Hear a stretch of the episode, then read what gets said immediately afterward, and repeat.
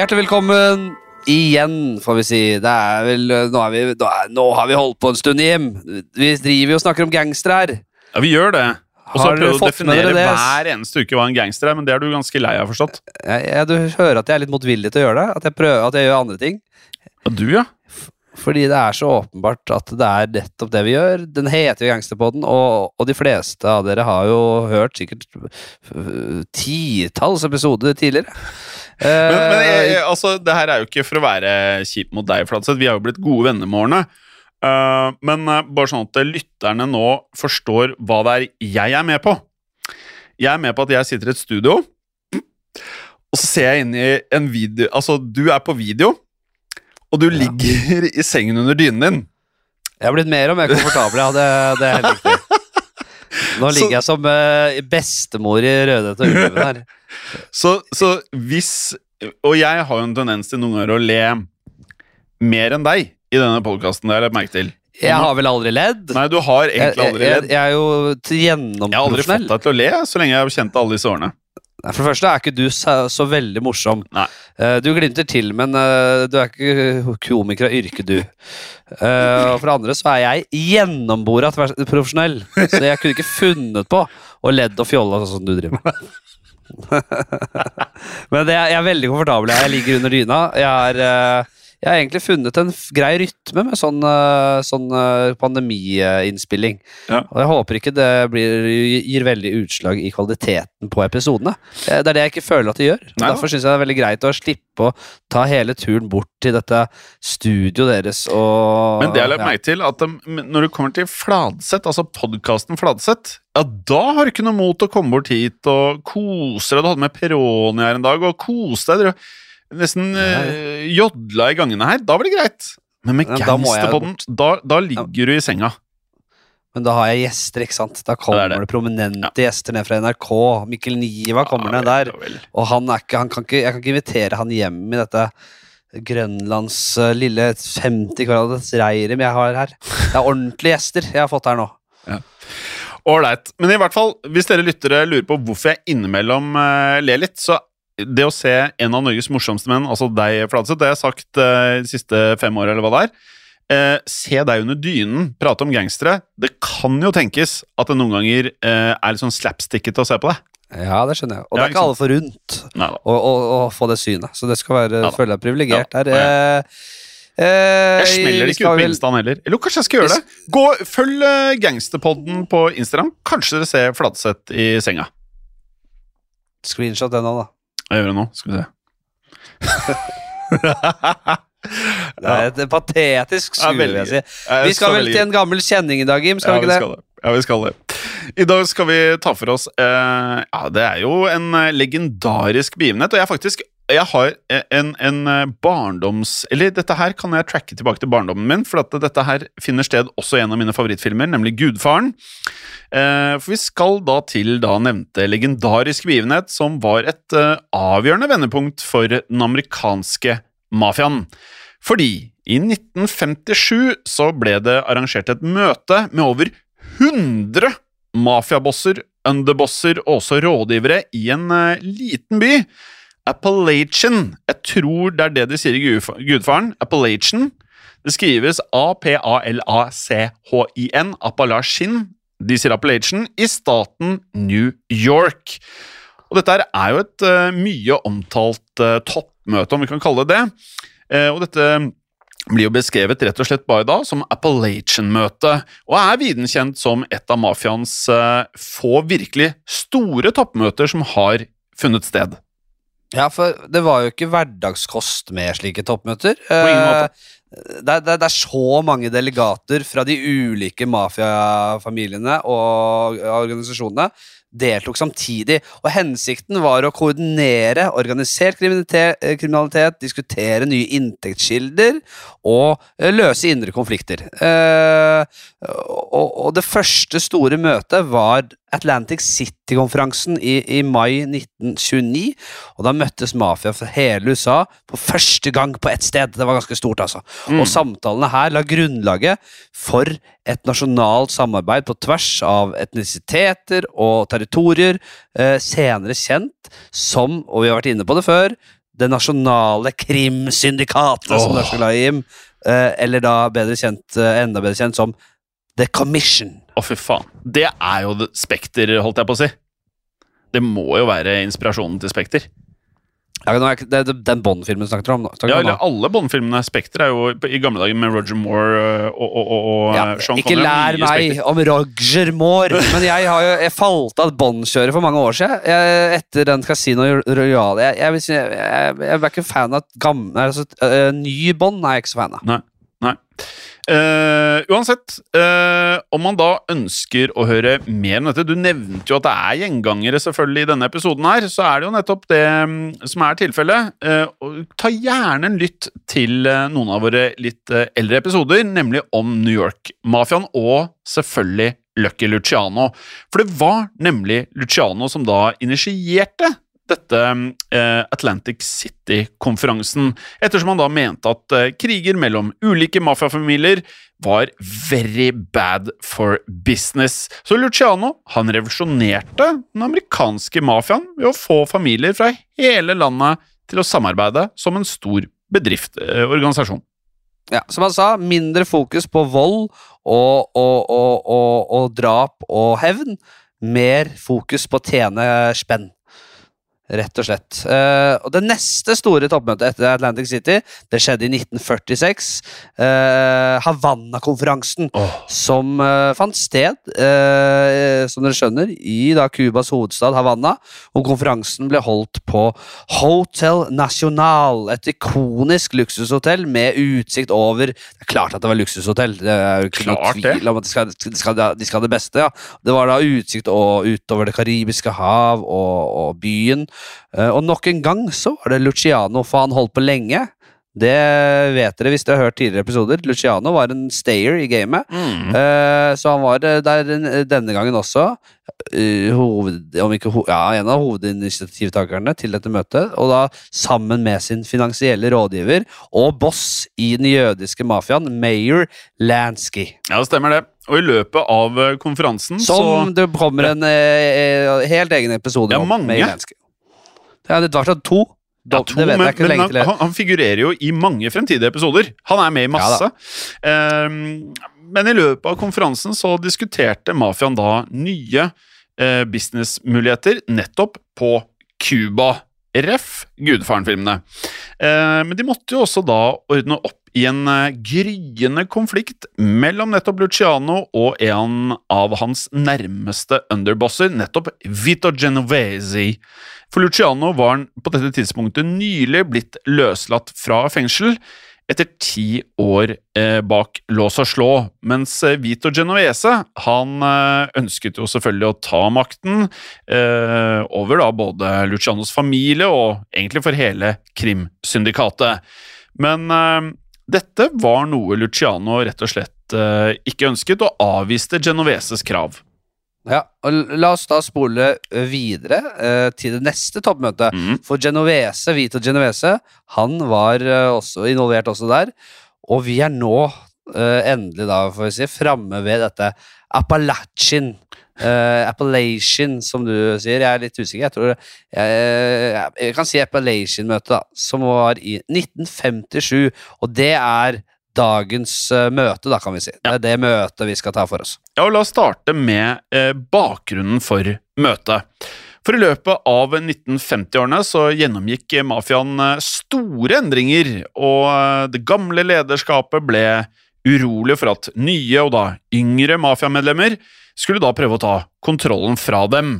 For selv om Genoese var blitt eh, avvist av eh, Lucky Luciano én gang, så forsvant ikke hans eh, ambisjoner om å få makt på noen som helst måte. For gjennom 1950-tallet så planla Genovese et kupp mot den daværende lederen av Luciano-familien, som da het Frank Costello. Eh, den egentlige bossen Luciano var nemlig blitt deportert, som vi har hørt i tidligere episoder, til Italia, der han da var under streng politiovervåkning. Ja, og det, som dere skjønner, så er det jo en del eh, en del å følge med på her, men det er, bør ikke være så vanskelig hvis man har hørt de tidligere episodene eh, og har det friskt i minnet. Hvis ikke, så kan vi kanskje vurdere å sette denne på pause og hørt de tidligere episodene vi sikter til eh, først. Altså. Mm. Det er veldig interessant å komme dypt inn i dette her. Uh, Vito Genovese han følte at tiden var inne uh, for å slett slå til her, ta over hele sjappa. Men da måtte han jo fjerne både Costello og eh, familiens sterkeste rival, Albert Anastasia, bossen i Anastasia-familien. Og Genovese beordret først sin unge protégé, eh, Vincent Gigante, til å ta rotta på Costello. Ja. Den eh, 2. mai 1957 så skjøt eh, Gigante Costello utenfor leilighetskomplekset der Costello bodde. Men som vi har erfart i tidligere episoder, er jo ikke alle som dør eh, når det blir eh, skutt. Eh, for skuddet var heller ikke denne gang dødelig, eh, og var mer å anse som et skudd som streifet han. Likevel så ble Costello såpass skremt at han da valgte å pensjonere seg og gi fra seg makten til Genovese. Eh, og da var jo egentlig målet nådd, selvfølgelig. Eh, og da var det jo sånn at Genovese han kunne da sette sitt eget navn på Luciano-familien. Ja, og etter dette så hadde Genovese kontroll over eh, denne familien, men han ønsket seg også da å ta Rett og slett, han var jo Uh, kan det kalles stormannsgal, hele mannen. Han eh, ønsket å ta over mafiaen som, som helhet. Han ønsket da å være en såkalt capo di tutti capi, eller boss of all bosses. Deilig. Og da måtte rivalen Albert Anastasia også tas ut. Genovese han slo seg så sammen med Anastasias egen underboss, Carlo Gambino. Høres det navnet kjent ut? Ja, Veldig fordi det er nettopp det det er. Eh, det kommer vi tilbake til. Så eh, Carlo Gambino hjalp da til med å planlegge et attentat på sin egen capo, altså bossen sin. Mm. Ehm, for n-te gang, du kan høre dette her i episoden om Albert Anastasia. Men eh, kort sagt så ble Anastasia massakrert han i en eh, barbersalong av eh, to maskerte menn den 25. oktober 1957. Og det er antatt at Genovese og Gambino sto bak mordet på Anastasia. Ja, så vet vi jo at eh, familier de, eh, de går i faser, og, og, og de som på en måte tar rotta på de gamle, Ja. overtar da uh, muligheten til å sette sitt navn på familien, som ikke er en ny familie nødvendigvis, det er bare man tar over en organisasjon mer enn at det er en familie. Mm. Så når Gambino kommer heldig ut av dette, smekk, smekk setter han. Gambino-navnet på det. Ja. Eh, senere, da, i, i 1957, innkalte Genovese til et nasjonalt toppmøte for å avverge for konflikter i kjølvannet av eh, eh, ja, hans maktovertagelse. For Genovese så var det viktig å demonstrere at han var den nye bossen nå. Og, og, og rett og slett få resten av mafiaen til å godkjenne at han tok over ledelsen i dette nasjonale krimsyndikatet. Ja, og dette møtet skulle da holdes i november i Appalachian, New York, eh, som eh, vi kan vel kanskje beskrive som litt sånn søvnig lite tettsted langs eh, sku, s, oh. Det må du øve på. før. Susquehanna-elven. Susquehanna-elven. Hvordan hadde du sagt det, Fladseth?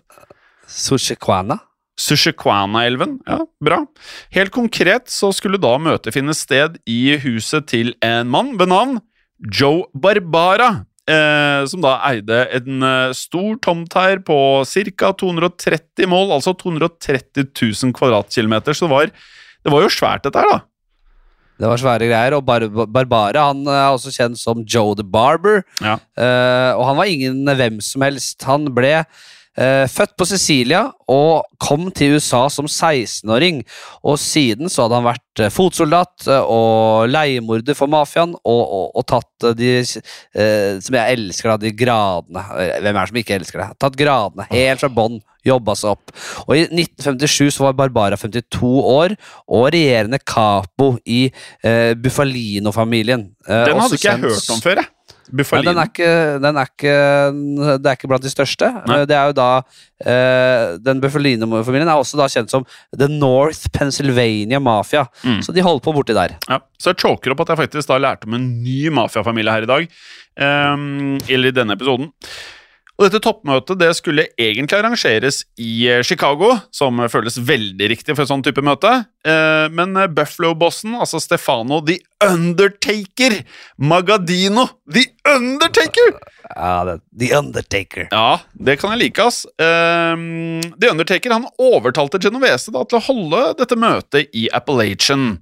Og eh, The Undertaker han stolte nemlig på Barbara og ga han ansvaret for å arrangere møtet. Og Barbara var eh, først motvillig, han, eh, ettersom han da hadde holdt et mindre møte i huset sitt året før. For Barbara var nemlig bekymret for en lokal politimann som het Edgar D. Crosswell, og at han da skulle fatte mistanke. Og med god grunn så følte han på dette, skulle det vise seg. Ja, det skulle jeg, For i forbindelse med møtet hos Barbara året før, så hadde Edgar Crossfield stanset bilen til en mafia-type ved navn Carmine Galante. Og Crossfield Car hadde da Carmine, tenker jeg der, altså. Ja, ja, jeg vet. Jeg bare surrer. Er norsk, når det er norsk og engelsk sånn om hverandre, så blir det fort gjort å ryke på en smell. Altså. Carmine. Car. Carmine Galanti, Galanti. Ja. Og Crosswell hadde da oppdaget at Galanti kjørte uten gyldig førerkort. Eh, det er greit å ha alle disse enkle tinga på plass, tenker jeg. Ja. Så han kjørte uten gyldig førerkort, eh, og at han hadde da et langt kriminelt rulleblad i New York. Og dette gjorde at Crosswell ble meget, eh, Crosswell ble meget eh, mistenksom. Og i ukene opp mot Appellachin-møtet satte han i gang, gang et, en skjult overvåkning av eiendommen til Barbara. Det er mye bra navn her i dag, altså, Flatseth. Barbara. Ja, og det er mye navn, så man må holde tunga rett i munnen her. Nei, jeg syns dette er foreløpig er veldig oversiktlig, men eh, eh, videre så var det sånn at eh, Barbara han eh, prøvde jo som sagt da å advare Magadino, altså The Undertaker, om at Crosswell kunne skape problemer. Men Magadino han sa at det nå var eh, rett og slett for sent for å kunne avlyse møtet uansett, fordi nå var alt klart, og de inviterte hadde allerede takket ja.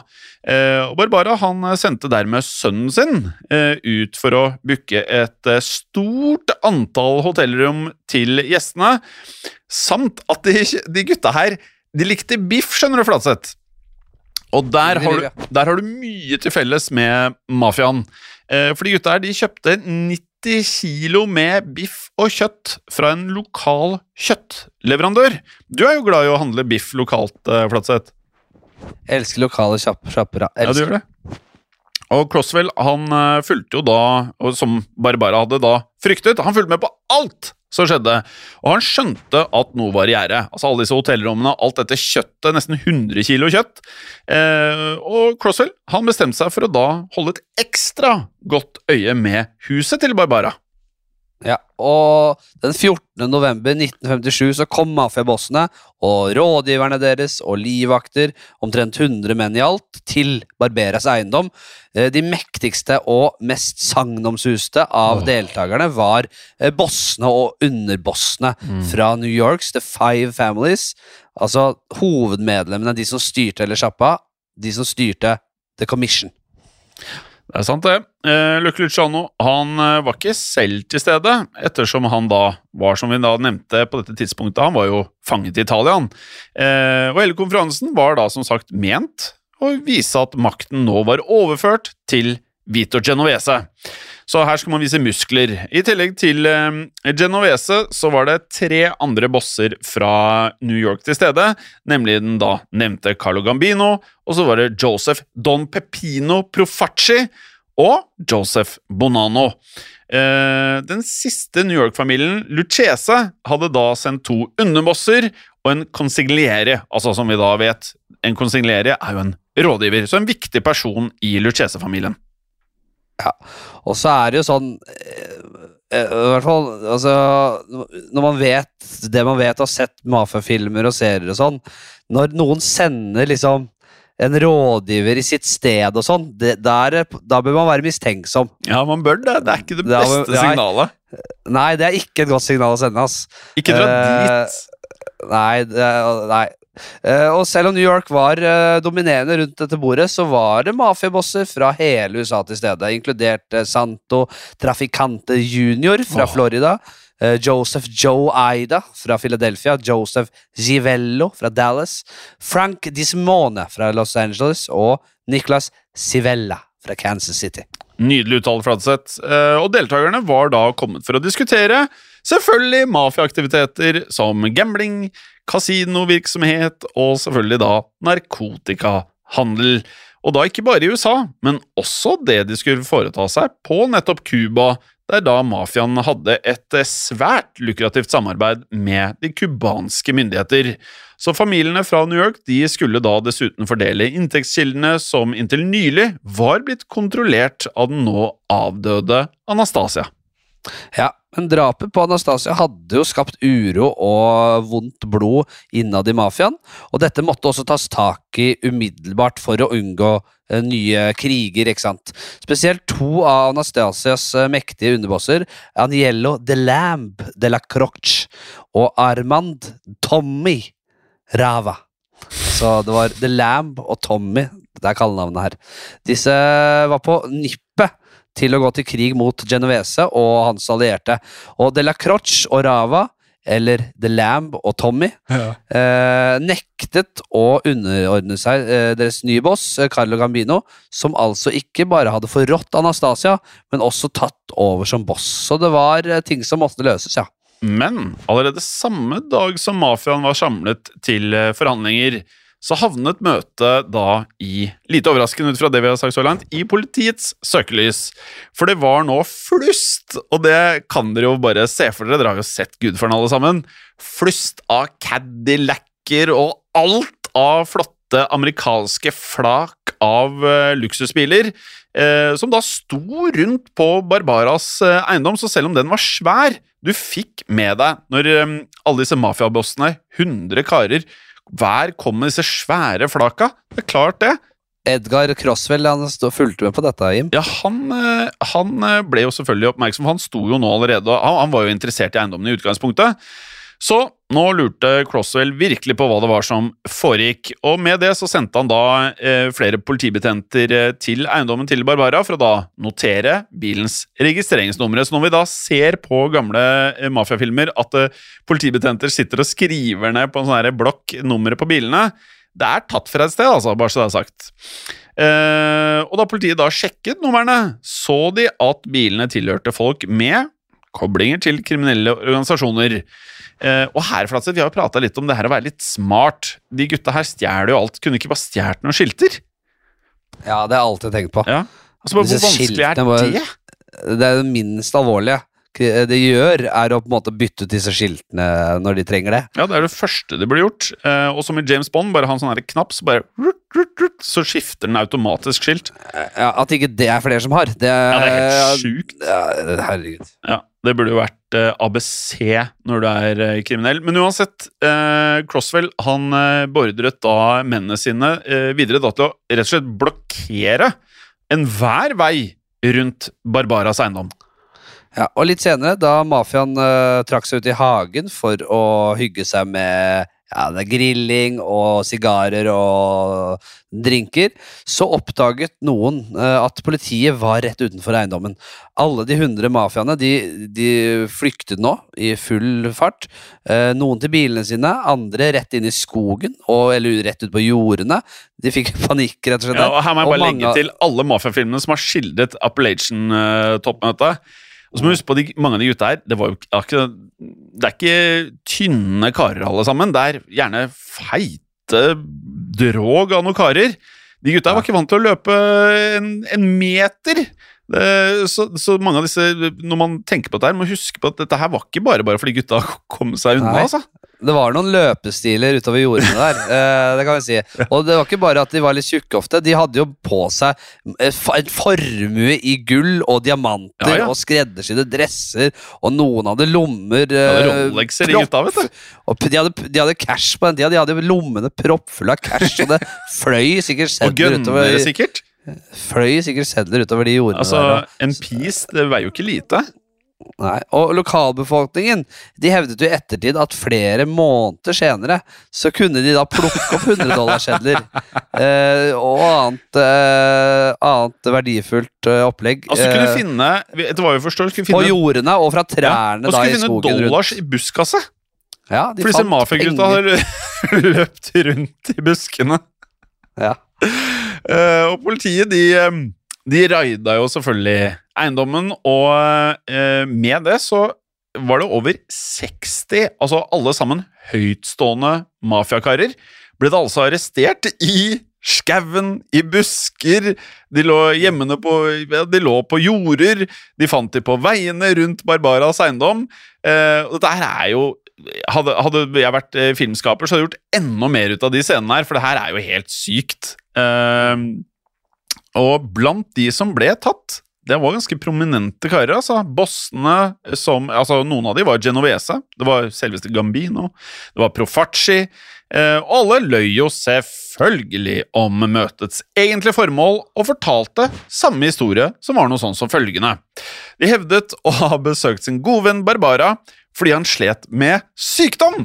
Så han de hadde en sånn dekkoperasjon, og han Barbara bare måtte late Uff a meg! Og late som han var syk. Eh, Og av ukjente grunner så ble, ble Genovese sluppet løs kort tid etter arrest, eh, arrestasjonen.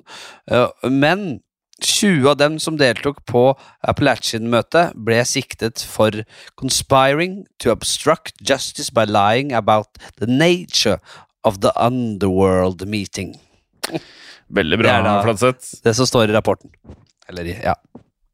Og på norsk Og, så, ja, ja, ja. Og på norsk så blir det noe sånn Allah som har konspirere til å hindre rettferdighet ved å da lyve om forbrytets eh, Eller eh, eh, forbrytermøtets hensikt. Så de 20 Ja. ja. Jo, bare fortsett, du. Ja, så de 20 ble da funnet skyldig i januar 1959 og bøtelagt med opptil 10 000 dollar rundt. I dag, med konvertering og inflasjonsjustering, så er det ikke så langt unna en million, nemlig 800 000 kroner. Eh, så det er meget. Og de fikk også da fengselsstraffer fra alt fra tre til fem år. Eh, men år etter så ble alle domfellelsene da opphevet, etter å da ha blitt anket. Um, og det var jo egentlig ikke så veldig overraskende for Cresswell, eh, dette her, som eh, visste at disse ja, Det var jo mektige karer. Eh, Crosswell er det Cresswell er en fotballspiller, er det ikke? Eh, Du sa Cresswell? Er ikke Ja. det en eller annen jo, han spiller på Westham, vel? Venstreback. Ja, Crosswell. Eh, politimannen, altså. Eh, han visste at eh, mektige menn i mafiaen støtt og stadig klarte å sno seg unna fengselet. Men Crosswell var likevel fornøyd med å da i det hele tatt ha klart å avsløre mafiaen for resten av verden, så dette var en ganske big deal. Um, for selv om alle domfellelser ble opphevet, så var skaden allerede skjedd, og det visste jo mafiaen, og det visste politiet. Så politiraidet mot Appalachian-møtet synliggjorde akkurat hvor stor og så mektig da, som husk på, det er 100 av disse tunge gutta her var samla på ett sted, og det viste jo da hvor mektig og hvor svært og hvor organisert det var. Alle skulle møtes på ett og samme sted, og det fikk da enorme konsekvenser for fremtiden til mafiaen i USA. Ja, for selv om Vito Genovese slapp unna fengsel, så kunne ikke Appalachian-møtet vært en større katastrofe for han, personlig. Nei. Møtet var jo ment for å være hans kroning som ny boss of bosses, eh, og, og hadde jo skapt mer publisitet rundt mafiaen enn noen gang. Og eh, dette her utsatte jo alle hans allierte for offentlig og juridisk eh, gransking, så det var helt krise. Ja, og sånn klassisk så kan man jo si her at det ble starten på slutten for Vito Genovese, som egentlig da skulle med dette møtet her liksom vise balls, da. Um, og han ble da altså hatet av hele mafiaen, så alt gikk motsatt av hva som var hensikten for uh, Vito Genovese. For uh, de andre ga han da skylden for at de nå var blitt avslørt fordi han skulle liksom briske og bruse med, med, med fjæra. Uh, og det, det var derfor liten sorg å se Eh, blant de andre mafiagutta da Genovese ble dømt for uh, narkohandel i april 1959, og han fikk da altså 15 år i føderalt fengsels. Mm. Raidet mot Appalachian-møtet satte også FBI-direktør uh, J. J. Edgar Hoover i eh, ja, enorm forlegenhet. Hoover hadde jo nemlig insistert i flere tiår på at det ikke fantes noe som het nasjonalt organisert mafia, og derfor så var det ikke noe man trengte å etterforske. Men nå hadde jo den høyt respekterte FBI-direktøren blitt motbevist av den ydmyke og, og, og, og, relativt ferske, snartenkte Edgar Crosswell, eh, som var da en helt vanlig politimann fra landsbygda. Og J. Edgar Hoover vet jo, jo, står jo i historiebøkene som en eh, gigant i FBI-sirkuset. Husk at vanlige folk, det er heltene, Fladseth. Uh, ja. ja. Det er litt sånn klisjé. Ofte. Ja, klisjé. Ja. Det er litt klisjé, men det er sant. Uh, uansett, pressen eh, de hadde jo, som man sier på engelsk, a field day. Uh, dette her kunne jo ikke bli bedre. Det var Trump ganger 100. Uh, så de utnyttet Hoovers enorme flause for alt det var verdt. Det samme gjorde da Robert F. Kennedy, som da var rådgiver for Senatets komité for upassende aktiviteter i arbeid og ledelse, også kjent som Rackets Committee. Her holdt da Kennedy et våkent øye over mafiarelatert arbeidsutpressing. For å bli litt konspiratorisk eh, også, er det mulig at Hoover, Edgar Hoover hadde noen connections til mafiaen? Vet vi noe om det? Jeg vil si at det er meget mulig. Ja. Det Kanskje vi kommer tilbake til det ved en senere anledning. Robert Kennedy han brukte jo Appalachian-møtet i sin anti-mafia-kampanje som bevis på at det fantes et sånt nasjonalt krimsyndikat, en kommisjon. Mm. Og gjennom hundrevis av timer med vitnemål foran komiteen og Kennedys nådeløse avhør, så ble omfanget av organisert kriminalitet i USA rett og slett avslørt. Faktisk så mente Robert Kennedy at hans antimafiakampanje var så ødeleggende for mafiaen at han trodde at attentatet på hans bror, John F. Kennedy, var mafiaens hevn mot Kennedy-familien. Det er drøyt. ja, det er drøyt, det er drøyt men uh, underholdende på mange måter. Vi kan jo da nevne at uh, arrangøren for møtet, altså Joe the Barber Barbara, han er nektet å forklare seg om det som hadde skjedd på eiendommen hans. Og vi husker jo som nevnt at uh, alle gutta da mente at Barbara var jo sjuk. Det var derfor de var der. Um, FBI de sørget derfor for at han ble siktet for skatteunndragelser. og faktisk eh, troll i ord, så ble Barbaras helse stadig dårligere inntil han da døde av hjerteinfarkt kun to år etter Appalachian-møtet. Kun 53 år gammel. Ja da. Så når vi sa at han liksom lot til fake syk, eh, så ikke, var det mest for humorens skyld. Han hadde nok litt Han var nok litt skranglete, og derfor så Han la nok litt på, ja. De ja, gutta legger jo på, sjølsagt. Det virket, det virket nok mer som et troverdig skalkeskjul, eh, i og med at han var litt hanglete fra før av. Vito Genovese han levde resten av livet sitt i fengsel, i skam, får vi si, avskåret fra resten av mafiaen, eh, og han skal ha uttalt følgende Jeg skulle ønske at jeg brukte begge beina før jeg Eh, svarte på den invitasjonen til Appalachian-møtet. Uh, så han angret litt på det. Og Genovese han døde av hjerteinfarkt på vet, uh, et fengselssykehuss. Ja. De dør left, right and center av hjerteproblemer. De husk på at De gutta her spiste mye. Ja, ja, altså, De spiste, de drakk, de sov jo ikke altså, de, de, holdt jo på med nettene, vet du. Holdt på å kose seg med mat og drikke. Trygla ba om, uh, om uh, livsstilssykdommer, ja. Han daua i et uh, fengselssykehus i Springfield, denne Genovese, og det var da i 1969. Ja, det stemmer det. Politimannen som da på mange måter endret mafiaen for alltid, er jo ikke en fyr nødvendigvis alle har hørt om, for det er jo nevnte Edgar Crosswell. Eh, han fikk da en offentlig gratulasjon fra presidenten og ble senere valgt ut til å jobbe i New Yorks Organized Crime Task Force. Eh, Crosswell han pensjonerte seg i 1979 og døde 1990, 77 år gammel. Ja. Og vi gjetter på at det er en del eh, faktisk en del filmer og lignende som er inspirert av Edgar Crossfell, uten mm. at jeg sitter på noen konkrete filmer akkurat nå. Før Appalachian-møtet så var uh, mafiaen en ja, veldig mystisk orden, uh, som folk flest kun kjente fra filmer uh, og sånn. Uh, I motsetning til som vi ser på det i dag. Ikke sant? Må huske på at det, det var jævla hemmelige greier. Det var ikke noe folk flest visste om, og angivelig heller ikke toppfolk i FBI og i myndighetene visste om at det, var, at det eksisterte.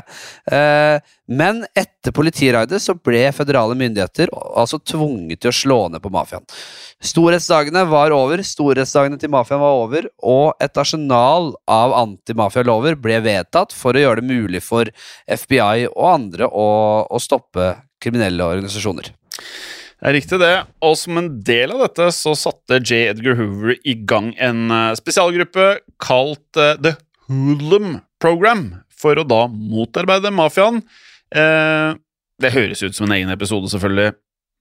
Ja, Det gjør det. Og så må vi også vi skal snakke om den Rico-loven, og ja, ja, ja, det er mye snadder her, ikke sant? Ja da.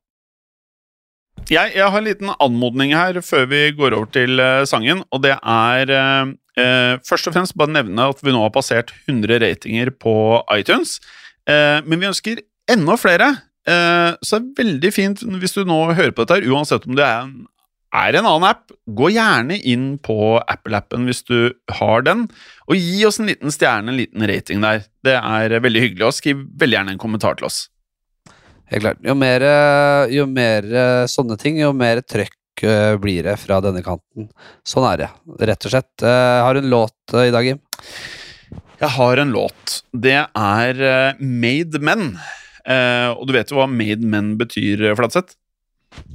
Absolutt. Det er jo rett og slett de som er blitt innviet i Ja, det er helt riktig, det. Det er helt riktig, det. Uh, Made Men med Jay Hayes og Glasses Malone fra albumet Appalachian. Eh, så gutta er jo da veldig klar over dette her, og albumet er da fra 2018. Jeg legger det til spillelisten vår i Spotify, som da heter Gangsterbåndet fremdeles. Jeg har fortsatt ikke endra navnet. Eh, jeg skal gjøre det nå til dere som hører på, så ser du jo ikke at Fladseth koser seg i sengen sin under dyna, rister på huet av fortvilelse, men jeg skal eh, Skulle, denne gangen gjøre det. skulle du gjort det nå, da? Med en gang Ja, etterpå da, nå, da? Jeg gjør det nå mens vi prater. Kan ikke du prate litt mens jeg gjør det? Skal vi se. Jo da, vi jo, heter jo Gangsterpodden på Insta, og så er vi en del av Historie for alle på Facebook. Det er en litt sånn samlegruppe, da, det vet dere sikkert hvis dere er medlem, men, eh, eller med der. Men dere som ikke er det, kan dere gå inn, og så er det litt, eh, litt av hvert eh, Historiepodden og Nå? Uh, litt forskjellig. Uh, Nå har jeg er det. samlet innpå der. Gangsterpodden Spillelisten heter den nå. Der hører vi! Endelig så skal vi ha det. Oh, ja, vi, har nesten, nesten, vi har nesten 400 som uh, følger uh, spillelisten. Det er jo helt konge. Og så er det snart 45 sanger. Det er jo helt uh, Ja, det er helmaks, dette. Det er helmaks, du. Som en gammel forbryter uh, eh, kjent fra norsk film en gang sa. Vi høres neste uke, vi, med mindre du har driti deg loddrett ut og blitt sovende med fiskene. Men du kan jo uansett holde deg gangster. Ha det bra. Ha det.